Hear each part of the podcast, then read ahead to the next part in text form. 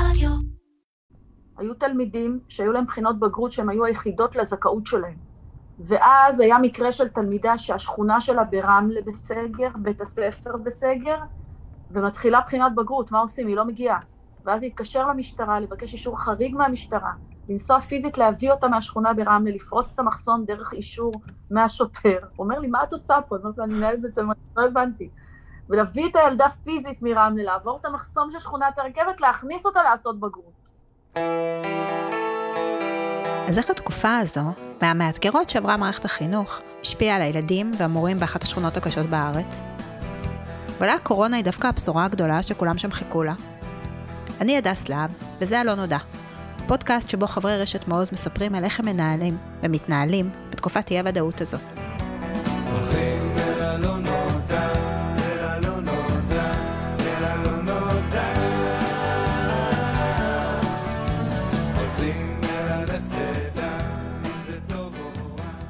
שלום. היי שירין. שלום. היי. איתנו היום שירין עטור חפי, מנהלת תיכון אורט למדעים והנדסה בשכונת הרכבת בלוד. אכן כן.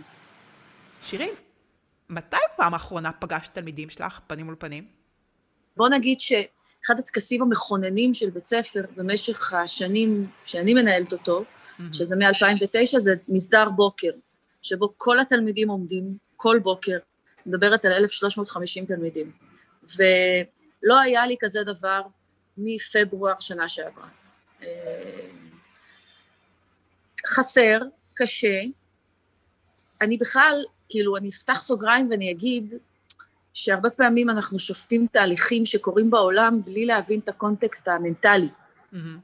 יש משהו בנו במזרח תיכון, בלי אשכנזים, מזרח תיכון, שאנחנו אוהבים נורא מגע. כאילו, אני חושבת שהקורונה לא עשתה הרבה נזק לאשכנזים, במנטליות. כי הם רגילים לבידוד ולריחוק. סליחה, לא... כאילו, לא, לא, אה, אה, זהו, בתור... אז אשכנזיות לא כמוצא, אלא כהתנהגות והתנהלות. אז מה התקופה הזאת עושה, עושה לתלמידים? התלמידים שאין להם את המגע הזה. אני מרגישה שיש אה, שני סוגים של תגובות. הרבה מאוד תלמידים קשה להם עם זה שאין מגע פיזי, אבל יש הרבה תלמידים שפורחים בסיטואציה הנוכחית. יש המון ילדים שהעלם מסך טוב להם, שזה נתן להם אפשרות אה, להתבטא בלי שיראו אותם. זה אפשר להם, את יודעת, אני מנהלת של ילדים שהרבה מאוד מהם במצב סוציו-אקונומי נמוך, מאוד מתביישים במקום שהם נמצאים בו, לצערי. ופתאום הוא יכול להשתתף מהבית בלי להראות הבית. הוא יכול להשמיע רק את הקול שלו, בלי להראות את, ה... את מי שהוא. פתאום ילדות עם כיסוי ראש יכולות להיות בלי כיסוי ראש. בלי כל הדברים שלפעמים כובלים אותנו. אז יש גם יתרונות בזום, אין רק חסרונות בזום. אני חושבת שהמשבר האמיתי קורה עם המורים. ספרי לנו, מה, מה, מה אנחנו לא יודעים על מורים בתקופה הזאת? הרי את יודעת, אנחנו ההורים, אנחנו נורא מקטרים. מה, מה כן. מפספסים? תראי, אני אגיד לך אמירה, או שאולי תכעיס, אבל היא, אני אגיד אותה בכל זאת, אני בכל זאת 25 שנים בהוראה בתחום הזה. יש משהו ברוב האנשים שבוחרים להיות מורים, שאתה בוחר במקום של ודאות. זאת אומרת, באופי, באישיות שלך, הלכת, בחרת במקצוע הוראה, ברוב המקרים מדובר באנשים שחיפשו יציבות. סוג של יציבות, סוג של ודאות. אני יודע מה, מתי ה-1 בספטמבר, אני יודע מתי החופשות שלי, אני יודע מה אני צריך ללמד, אני יודע איך תראה בחינת הבגרות, הכל מאוד מאוד ברור. אמ, ואני יודע מה מצופה ממני ואני יודע מה לתת. פתאום הגיע גל למערכת כל כך ודאית ויציבה של חוסר ודאות וחוסר יציבות. ומורים לא יודעים איך להתמודד עם הסיטואציה הזאת של החוסר יציבות, עם זה שלא יודעים מה יקרה מחר ומה יקרה בעוד שבוע, ועם זה שהתוכנית צריכה להיות שבועית ולא חודשית ולא שנתית, ואין לוח גאנט. פסיכולוגית מאוד מאוד מאוד קשה להם. ואני רואה את זה. בתור מנהלת, איך את עובדת איתם על, ה, על התחושה הזאת? איך את מייצרת להם איזושהי תחושת ודאות בתוך אי-הוודאות הזאת? אה, לא פשוט, לא קל, אז אנחנו עובדים מאוד על הצד המנטלי של המורים. איך עושים את זה? זה אומר שאני, אה, מה שלא האמנתי על עצמי, מוצאת את עצמי שולחת הודעות עם המון אימוג'י, אה, עם לבבות. למורים? למורים, עם המון אה, לבבות וקשת בענן וכזה. זאת אומרת, אני כל יום חמישי בערב מסכמת את השבוע, יש לי רשימת תפוצה של כל המורים והעובדים, ואני אומרת תודה רבה על המאמץ, יישר כוח, ואני בכוונה ברשימת תפוצה שזה מגיע אישית, ובתחילת כל שבוע אני שולחת עוד פעם הודעה ואני אומרת, אני כל כך גאה בכם ובעבודה שלנו ובמה שאנחנו עושים. אני נכנסת ביום לכמעט אה, 20 שיעורים בזום, מצטרפת מה זאת אומרת, את למורים. נכנסת, את פשוט עושה כזה כמו זומבום? את פשוט, אה, המנהלת בוקר הפציעה? טוב, בוקר טוב, אני מתגעגעת, מה שלומכם? איזה כיף לראות אתכם. אני פה כדי להגיד שלום, נשארת פה חמש דקות, אם אתם רוצים להגיד לי משהו. ועושה סבב כזה? הכנו מערכת שעות אה, מקוונת למורים ותלמידים. תוך כדי שיעור אני נכנסת אליהם. כי זה עוד משהו שאפיין אותנו בבית ספר, שאני לא יושבת במשרד, אני כל הזמן נכנסת לכיתות. אז אמרתי, מה, אני לא... משהו אני כן צריכה לשמר. אז אני נכנסת לזומים. הם לא יודעים מתי, הם לא יודעים אה, למי. הכנתי אה, יחד עם ההנהלה אה, מערכת שעות מקוונת, יומית, שאני יודעת למי יש שיעור, ויש שם קישור קבוע, ואני נכנסת. זה עושה למורים טוב, או שזה מלחיץ אותם? הם בסטרס אמיתי, המורים. הם לא רגילים. יש גם... יש משהו בהוראה שהוא מאוד אינטימי. אתה נכנס לכיתה, סוגר את דלת הכיתה, מה שקורה בינך לבין התלמידים שלך זה המרחב שלכם, ופתאום הכל פרוץ. אתה בזום, כולם יכולים לראות מה אתה אומר, איזה בדיחה אתה זורק, איזה הערה אתה אומר, וזה מלחיץ את המורים, מאוד מלחיץ את המורים. אבל הם uh, ממציאים את עצמם מחדש, הם ממציאים את עצמם ברמות מרגשות בעיניי. למשל. אף מורה, למשל, כל מורה בחר לעצמו את הדרך להגיע לתלמידים שלו. מורה מסוים פשוט הניח את המחברת מול המצלמה והוא מסביר על המחברת ומשדר לתלמידים. מורה אחר מבקש מכל התלמידים להיות עם המצלמה על המחברות, לא על עצמם. מורה אחר קנה לוח קטן, מחיק כזה, ומשדר לתלמידים. יש מורים שפתאום משתפים פעולה ביחד, אה, עושים רצועה משותפת. אז אה, דברים מרגשים קורים, כן, בעיניי מרגשים, זה דורש מהם יצירתיות, זה דורש מהם גמישות, זה דורש מהם שיתוף פעולה. עכשיו, כל הזמן את אומרת שלי, שלי, שלי. אחד הדברים שהמשבר הזה מלמד אותי, זה שאין אני, יש אנחנו, יש צוות, יש עבודת צוות. אני חושבת שבית ספר שאין בו עבודת צוות לא יכול לשרוד את המשבר הזה. הם גם צריכים ללמוד המון המון כלים חדשים שהם לא רגילים אליהם. לפני הקורונה, שירין היא הראשונה להודות שהיא לא תמיד עבדה ככה עם הצוות שסביבה. לא שמתי לב שאני כל כך דומיננטית, כל כך זה משפיע, שאני לא מאפשרת לאנשים אחרים. יש משהו מאוד uh, משקר, בכף, בדבר הזה, אבל הוא לא, הוא לא שורד לאורך זמן. הוא לא טוב לאורך זמן. אבל זאת מלחמה יומיומית, אני חייבת לשתף אותך, זאת מלחמה, כאילו מצד אחד אני גאה בצוות שמקיף אותי בזה שהוא עובד כל כך יפה, ואני התוויתי דרך, מצד שני, אני מבינה את ביבי לפעמים. נורא נורא קשה לוותר על, ה, על הפודיום הזה, על הזרקור, על אהבת האנשים. יש משהו מאוד uh, נוגע, שמספק אותי באופן אישי. כאילו, גלשנו עכשיו לשיחה אישית, אבל כן. כן, כן. אז... כאילו אה, ממלא לך איזשהו צורך פנימי. ברור, וזה, ו- והצורך הפנימי הזה לפעמים הורס, כי אתה, אתה מחפש את האהבה, אתה לא מרגיש שהאהבה הזאת רומסת בדרך כל מיני דברים. אז זה תהליך, תהליך ב- בניהול. טוב, אני מאוד מזדהה איתך, אני ממש מרגישה שהתקופה הזאת היא גם מציפה לנו כל מיני שאלות קיומיות כאלה באקסטרים. הקורונה היא אחת המתנות הכי גדולות שיכולנו לקבל. תסבירי. אני מרגישה שהקורונה היא משהו שעצר אותנו, את הביטחון העצמי המופרז, את הוודאות שהייתה לי, את הדברים שחשבתי שהם אה, מובנים מאליהם, את ה, לפעמים הקיבעון המחשבתי, ההתנהגותי, מה כבר יכול היה לקרות במערכת החינוך וברמה האישית שלי? כלום, הכל היה בסדר. מ-2009 אני מנהלת בית ספר, הכל מתחיל אותו דבר, נמשך אותו דבר, מסתיים אותו דבר, אין הרבה שינויים, אין הרבה חידושים. זה לא שעבדתי בהייטק עם אקזיטים שהייתי צריכה לעבוד בלילה, או שהייתי אה, בצבא עם כל מיני מלחמות. בית ספר. ופתאום הגיעה הקורונה, חייבה אותנו לעשות שינוי גם בחשיבה האישית, גם בחשיבה לגבי הוראה, גם בחשיבה של מנהלת מול צוות, גם מטורף, כאילו זה תהליכים שיכול להיות שבמצב טבעי היו קורים תוך עשר שנים, והם פתאום מתרחשים בחצי שנה. ועכשיו, יש לנו, מה הפחד שלי? אני רואה את זה מול המנהלים, הקולגות שלי וגם מול המורים שלי. כל הזמן לחכות שהזעם יעבור ונחזור לעולם הישן.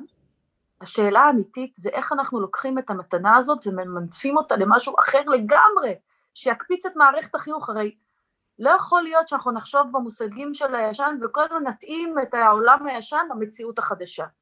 זה עצוב לי. סתם דוגמה, היה פורום של מנהלים באורט על איך מעריכים את הילדים בעידן של קורונה. ואת רואה שכל מנהל או מנהלת מנסה להתאים איך הערכנו פעם את הילדים למציאות הווירטואלית. אבל, ואז עליתי ואמרתי, חברים, אני מודה שאין לי מושג איך אני מעריכה את הילדים היום. זה לא הדרך, זאת לא הדרך לקחת את איך שהערכנו אותם אז ולהתאים את זה באופן דיגיטלי. קורונה זה לא, זה לא רק דיגיטליות ומחשבים, זה לא זה. זה איך אני ממציא את עצמי מחדש. בואו רגע, במקום האנרגיות שאנחנו משקיעים בלהתנגד, או להגיד למה זה לא יצליח, או להגיד מתי זה ייגמר, ולהמציא את עצמנו מחדש. יש פה הזדמנות, פעם ראשונה, שאנחנו, השטח, יכולים להשפיע על משרד החינוך.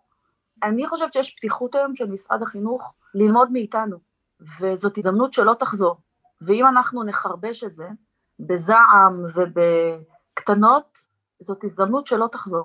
לא יהיה עוד פעם אמון כזה אם לא נדע לנצל אותו לדעתי. יש דברים שקרו אצלך, שאת חושבת, וואלה, את זה אני אשמח ללמד, את משרד החינוך, בתי ספר אחרים? א', אני אגיד שבקריירה הניהולית שלי, תמיד בהתחלה השקעתי את, את האנרגיות בתלמידים.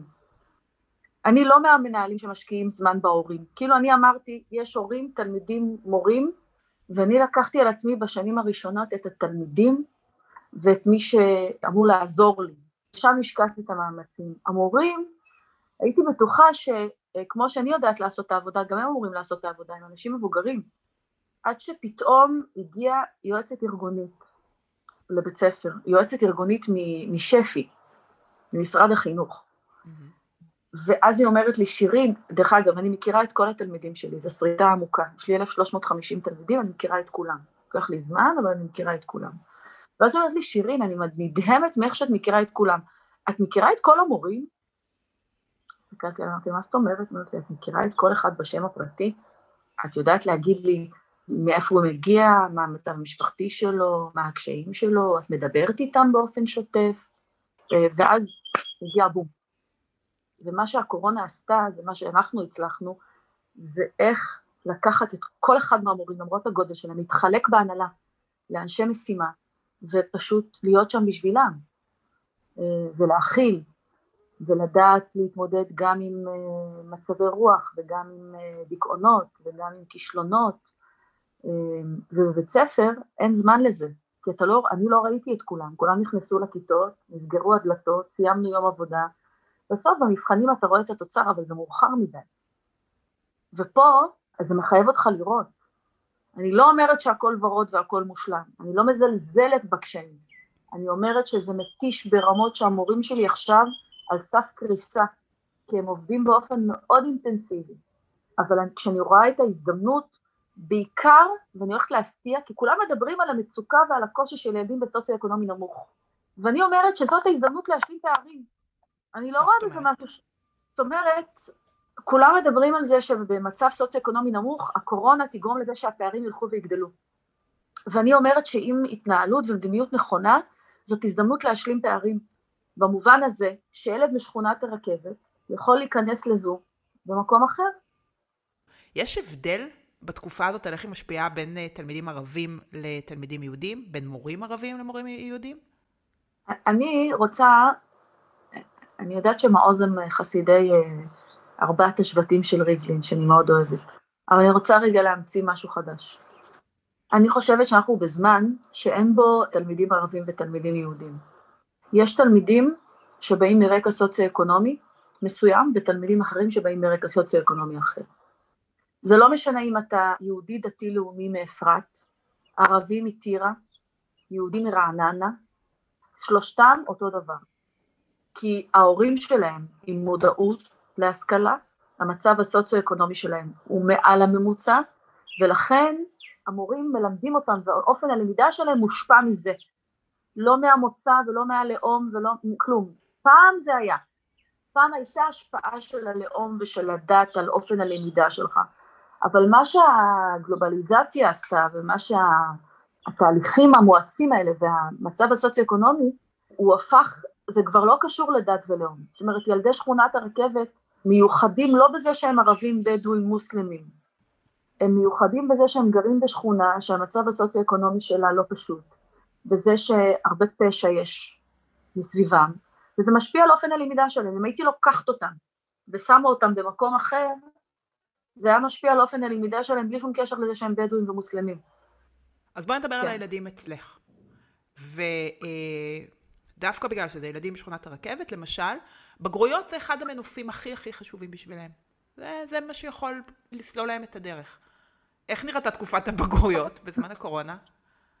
אני, אני רוצה להגיד שאחד הדברים שהציבו אותי, ממש אבל, אה, זה הבגרויות. אני בכלל, אני רוצה, המשבר הראשון, הגל הראשון של הקורונה היה מאוד טראומטי, מאוד מאוד טראומטי. אנחנו בלוד, מצב התחלואה היה נוראי, מצאנו את עצמנו בסגר, לא רק בלוד, בשכונה, ממש סגר עם מחסום ומשטרה, ואי אפשר היה להיכנס לשכונה ולצאת מהשכונה, ופתאום בחינות בגרות רגילות. רגילות פיזיות כרגיל, כאילו הכל רגיל. פיזיות, רגילות, אמנם בקפסולות, אבל כאילו, תראי, אני, בחינת בגרות היא בעצם השלב הסופי של למידה. אני תופסת את זה ככה. מה זה בחינת בגרות? יוצאים מנקודת הנחה שלמדת מקצוע מסוים מכיתה א' לפעמים, רוצים לדעת מה למדת מכיתה א' עד כיתה י"ב. ככה אני תופסת את בחינת הבגרות. לכן, אה, עצוב לי שהאחוז הזכאות שלי הוא בקושי 50 אחוז. כאילו ברמה האישית המקצועית, אני חושבת שאני צריכה להיות הרבה יותר, אבל תכף אני אסביר לך למה זה קורה. בקיצור, איך אפשר בכלל לקיים בחינת בגרות כשלא הייתה למידה? זאת אומרת, זה מה שלא הבנתי בזמנו. לא הייתה למידה, לא הייתה למידה, ופתאום יש בחינת בגרות שהיא לא מותאמת בכלל לאופן הלמידה שהתקיים. היו, הייתה סיטואציה הזויה שהיינו צריכים להביא ילדים מהבתים, לעבור את המחסומים, אה, לא היה פשוט בכלל, ממש ממש לא, אה, ועדיין אין ציונים. אני חושבת שאחד האבסורדים הכי גדולים שהמשרד הודיע לי שיש פער בין מה שהציון שנתנו למה שהילדים קיבלו. אמרתי, איך חשבתם שלא יהיה פער? זאת אומרת, איך יכולנו להעריך בכלל? אז על זה אני מדברת, על לנסות בעולם הישן להתמודד עם העולם החדש. אה, אבל אני מקווה, קודם כל, יש בחינות בגרות שפתאום סומכים עלינו בתוך בית ספר להעריך את הילדים. מי חלם על זה? אפרופו ההזדמנויות? בקורונה. בחינות זאת אומרת ש- פנימיות? כן, פנימיות. כמובן שזה כפוף ליכולת הערכה שאנחנו יודעים להעריך את התלמידים, לזה שאנחנו מסודרים ומאורגנים ברמה הזאת של, של הציונים. אה, זה, זאת הזדמנות שאם נדע לנצל אותה זה, זה משהו אדיר. אז, אה, אז צריך למצוא את ההבטחה. לא סתם יש מלא אנשים ב-8200, במקום להתעסק כל היום בדברים אחרים, זה משימה ל-8200. איך אפשר לקיים בחינת בגרות אישית, מקוונת, בלי להעתיק? כאילו אני, אני בעד uh, שהמשאבים של 8200 ילכו ל, למקום הזה ולא למקום אחר. את יודעת מה... אני כן הולכת להגיד לך משהו שלא האמנתי שאני אגיד. פעם ראשונה כשאני שומעת לך מדברת, בא לי להגיד, אולי שהקורונה תישאר עוד קצת. כי ככל שהיא תישאר, את יודעת, בסך הכל שיש שנה, השינויים יהיו כאלה שכבר אי אפשר יהיה לחזור אחורה. אי אפשר יהיה לבוא למערכת ולהגיד לה, תהיי שוב פעם דו-מימדית, כשכבר נהיית תלת-מימדית. זה החלום שלי, שלא ייגמר הסגר. סליחה שאני אומרת, אבל כאילו, אני מרגישה שברגע שייפתח, הכל יחזור אחורה כמו שהיינו. מה שהיה הוא שיהיה. ואני לא רוצה. אני לא יודעת כמה את יודעת, אבל אצלנו בחברה הערבית אין מגזרים. זאת אומרת, יש ילדים שהם מאוד דתיים וילדים שהם מאוד חילוניים באותו בית ספר. ויש ילדים שלהם אינטרנט לא בגלל שבעיה כלכלית, כי ההורים לא רוצים אינטרנט. ופתאום יש מציאות חדשה. באמת? אז- כמה אז- ילדים כאלה יש לך? אצלך בבית יש. ספר? יש, יש לא מעט ילדים, ערבים חרדים. וואו. אז מה עושים? אז מביאים את חלקם לבית ספר, ודרך אגב, כשאמרתי לך שזה שינוי שאנחנו נודה לו, את מבינה מה זה עושה לאבא שהתנגד נחרצות לאינטרנט, שפתאום הוא מבין שהוא חייב אינטרנט? מה שניסינו שנים לשכנע אותו ולא הצלחנו, פתאום אפשר? מה זה יכול לעשות לחברה החרדית למשל? שפתאום כל העולמות החדשים האלה, שלא היו קשורים אליהם, פתאום נכפים עליהם, כי בלי זה אין למידה. אז אנחנו מביאים מחשבים לילדים הביתה, כי אנחנו מסבירים לאבא, בלי זה הילד לא ילמד. אז מכניסים אליו מחשב. אז כשאני באה לאבא דתי, אני לא אומרת לו, אני לא מבינה מה זה הפרימיטיביות הזאת, אתה לא מבין שאנחנו במאה ה-21? מה זה הדבר הזה? מה זאת אומרת אתה לא אין לך אינטרנט בבית? אני לא מבינה. מה זה הבורות הזאת? השיח איתו הוא לא כזה, השיח איתו הוא, אני מבינה ומכבדת את העולם שאתה נמצא בו. אני מבטיחה לך שאנחנו לא נהרוס את כל מה שאתה רוצה לחנך אליו, ואם תראה שהמחשב הזה יכול באמת להרוס את מה שאתה מחנך אליו, אני מוכנה לא לתת לך אותו. זה האופן שבו אתה מדבר, זה היכולת לשכנע שאתה לא הולך לשנות אותו. יש הרבה חוגים במדינת ישראל שלא רוצים להשתנות ומפחדים מלהשתנות. וברגע שהשיח כלפיהם הוא כזה, הם עוד יותר מתבצרים במקום שלהם. אז בעיניי זאת הזדמנות, באמת, יש כמה ילדים שזאת הזדמנות אדירה להוביל לשינוי בחיים שלהם. יש רגע שאמרת, די, אין לי כוח יותר, שברתם אותי? אתמול, מה קרה? אתמול עשיתי זום משמונה בבוקר. כאילו הייתי בזומים משמונה עד רבע, ברבע לתשע היה צריך להיות לי עוד זום, ו, ופתאום מישהו מאוד יקר לליבי, ואז הוא אומר לי, "אמ, שירין, לכי לישון. כאילו, די, לא צריך, את לא מפוקסת. אמ, יש ימים שאני לא עומדת בזה.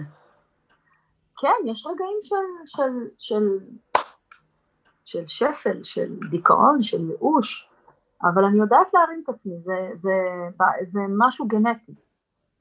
זה איך אתה מרים את עצמך. מלמטה, עוד פעם, קמתי הבוקר, התאפרתי, הסתדרתי, התלבשתי כאילו אני יוצאת ואני לא יוצאת. דפדפתי ב, בדברים של... אני תמיד מתחילה את הבוקר בדברים טובים שקרו. ועוד מעט אני הולכת לשלוח אה, הודעה ליועצות על משהו טוב ששמעתי מהעירייה, על מצב הנוכחות שהם עוקבים אחריו, אה, על משהו ששמעתי הערה, אתמול השתתפתי בשיעור ערבית עם כיתה י"א, נפעמתי מיכולת הביטוי שלהם. כאילו, לא לחשוב פה על הדברים הגרועים, כי אם אני אהיה בדיכאון, כל המערכת תהיה בדיכאון. אז שירין, שאלה אחת לפני סיום. איזה טיפ, טיפ אחד, היית נותנת לשירין של, של הראשון במרץ, לפני שהכל התחיל? למצוא את השקט בתוך כל הרעש, ולדעת לזהות, ב, ב, כאילו מה אפשר לעשות בטווח הקצר ומה בטווח. לברר לעצמך מה הדברים שכן אפשר לעשות, מה אי אפשר לעשות, מה לעשות יותר מאוחר, ברור, לפני שמגיעים למסקנות והחלטות. וזה תהליך אה, עמוק, שלפעמים השוטף מונע מאיתנו לעשות אותו. אנחנו נגררים אחרי השוטף, מכבים את השריפות, אמ, ואני הייתי מציעה לה, עם כל הקושי וכל, כאילו, אני, שירין אז הרגישה שמה זה הדבר הזה? הכל חרב, נסגר בית ספר, אין מה לעשות, דיכאון קליני, לא יהיה, ואני הייתי מציעה לה להתעשת, לקחת נשימה ולחשוב על אה, אה, איך בכל זאת, עם כל הקושי, אה, מחשבים מסלול מחדש, ולא לבד, ממש לא לבד, עם כמה שיותר שותפים, ו- והרבה צניעות, הרבה צניעות בלאפשר להגיד, אני לא יודעת הכל. ויש דברים שאני לא יודעת. אלוהים ישמור, ויש דברים שאני לא יודעת. תודה רבה רבה, שירין. שיהיה המון המון המון המון בהצלחה. באהבה. ביי, להתראות. ביי.